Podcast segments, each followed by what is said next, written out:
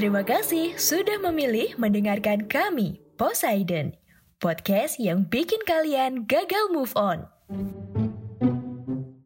Halo, selamat datang di konten paling random podcast Indonesia di luar kelas. Tempatnya sedang tidak jelas bersama saya Eka Arkananta. Selamat tahun baru 2024 buat kalian semua. Semoga di tahun ini semua yang belum tercapai bisa tercapai. Yang belum terlaksana bisa terlaksana dan yang gagal bisa jadi keberhasilan. Gimana ngerayainnya kemarin? Sendirian, bareng teman, bareng keluarga, atau bareng atau bareng petir ya, hujan. Mantap sekali. Manusia di seluruh dunia ini tuh kayaknya bahagia banget gitu, kalendernya ganti. Nyalain kembang api sama petasan tuh loh kok sampai terus-terusan ya sampai ganti hari.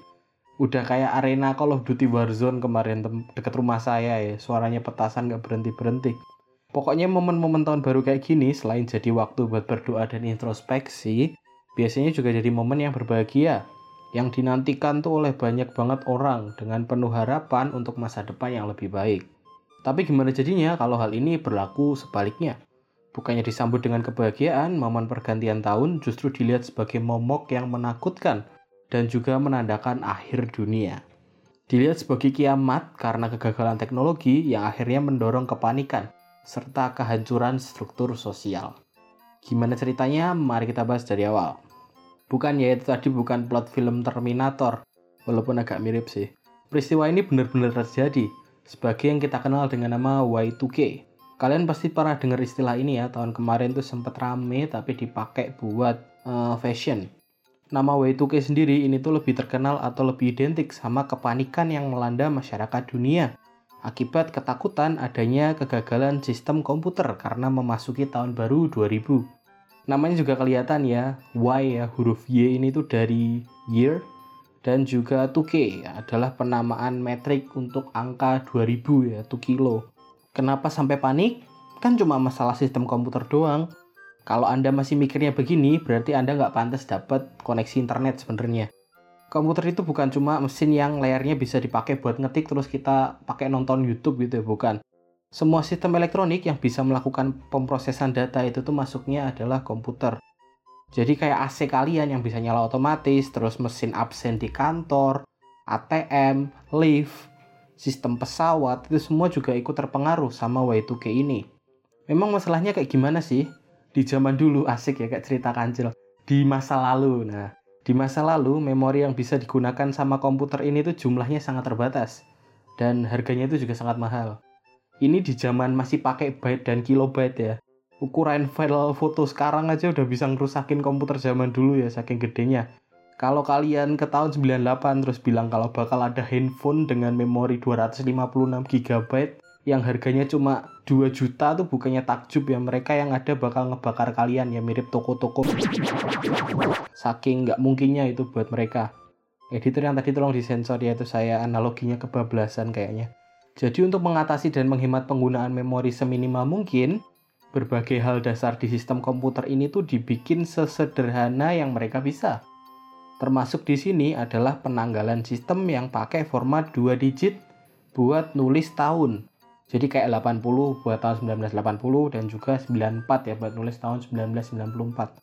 Dan seterusnya kalian tahu sendirilah.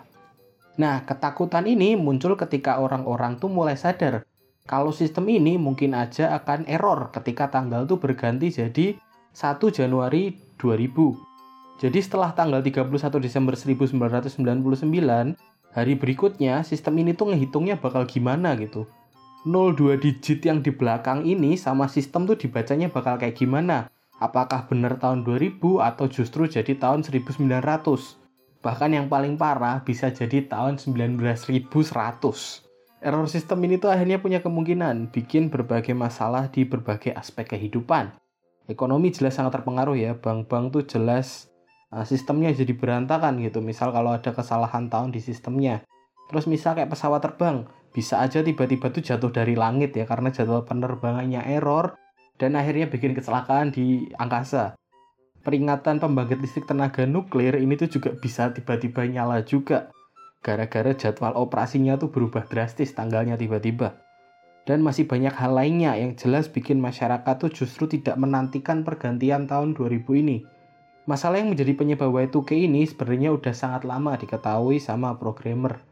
Dari tahun 1960 dan 1970-an, sudah banyak banget yang mengemukakan kalau penggunaan sistem tahun yang cuma dua digit ini itu punya potensi menimbulkan masalah ketika milenium itu berganti.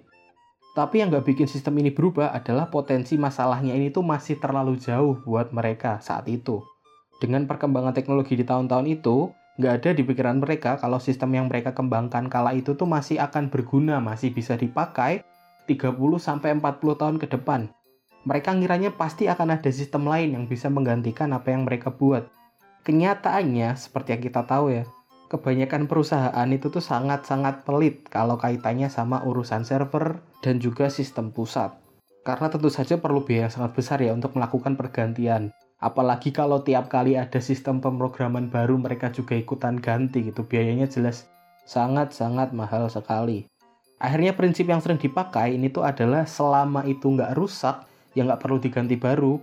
Itulah kenapa sampai sekarang masih banyak banget kayak mesin-mesin pabrik atau alat-alat kesehatan di rumah sakit itu yang pakainya tuh sistem komputer lama.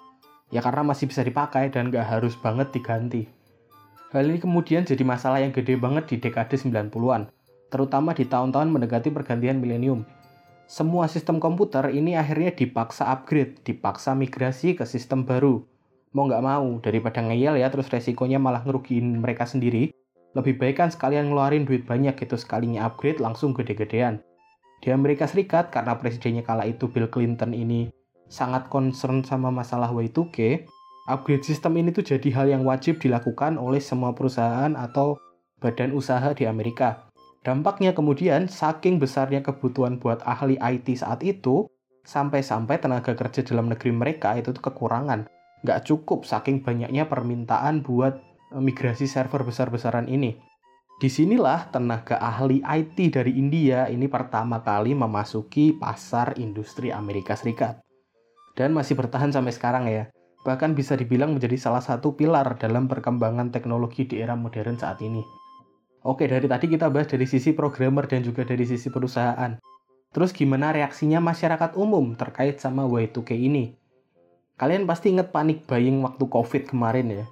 Orang-orang tuh pada nimbun masker, nimbun minyak goreng, mie instan tuh beli sampai berkardus-kardus, anak tetangganya dimasukin kulkas. Itu cuma gara-gara PPKM loh yang kalau kita lihat lagi ya itu ternyata nggak ada apa-apanya.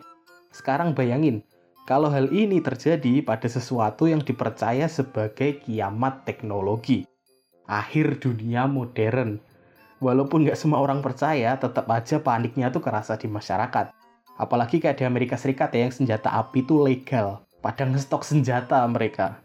Ada yang bikin-bikin bunker di basement rumah gitu buat berlindung kalau-kalau situasi di luar tuh akhirnya beneran jadi chaos. Ada yang jualan buku survival guide biar bisa selamat gitu di tengah-tengah kerusuhan. Berlebihan lah ya mereka rata-rata. Ya karena memang nggak tahu mau gimana lagi. Udah nggak paham, panik lagi. Udah itu kan bener-bener resep keributan ya kayak gitu tuh. Ketika pergantian tahun 2000 ini benar-benar berlangsung, Ternyata hal yang ditakutkan sama masyarakat tuh nggak berlangsung sama sekali. Nggak ada apa-apa. Ya memang beberapa ada yang error sih, tapi bukan sampai yang ngaruh banget sampai bikin chaos gitu.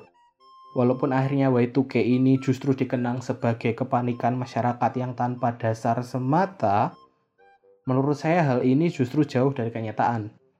Kepanikan gara-gara Y2K atau Millennium Bug ini tuh justru jadi momen buat perbaikan dan juga pergantian sistem besar-besaran yang cuma bisa terjadi itu gara-gara adanya paksaan ya, terpaksa. Bayangin, kalau nggak ada Y2K, mungkin aja teknologi yang kita pakai bisa jadi nggak kayak yang kita pakai sekarang.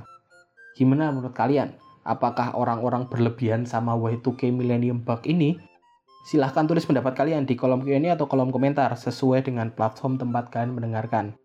Terima kasih udah dengerin sampai habis. Kalau punya kritik, saran atau ada ide bahasan, silahkan dikirim ke Instagramnya Poseidon di @podcast underscore sejarah Indonesia. Atau ke Instagram pribadi saya di @rotikecap. Jika ada kesalahan, saya mohon maaf sebesar-besarnya. Saya Eka Arkananta pamit. Semoga 2024 jadi tahun yang baik buat kita semua. Dan sampai bertemu di konten Poseidon yang lainnya. Bye-bye.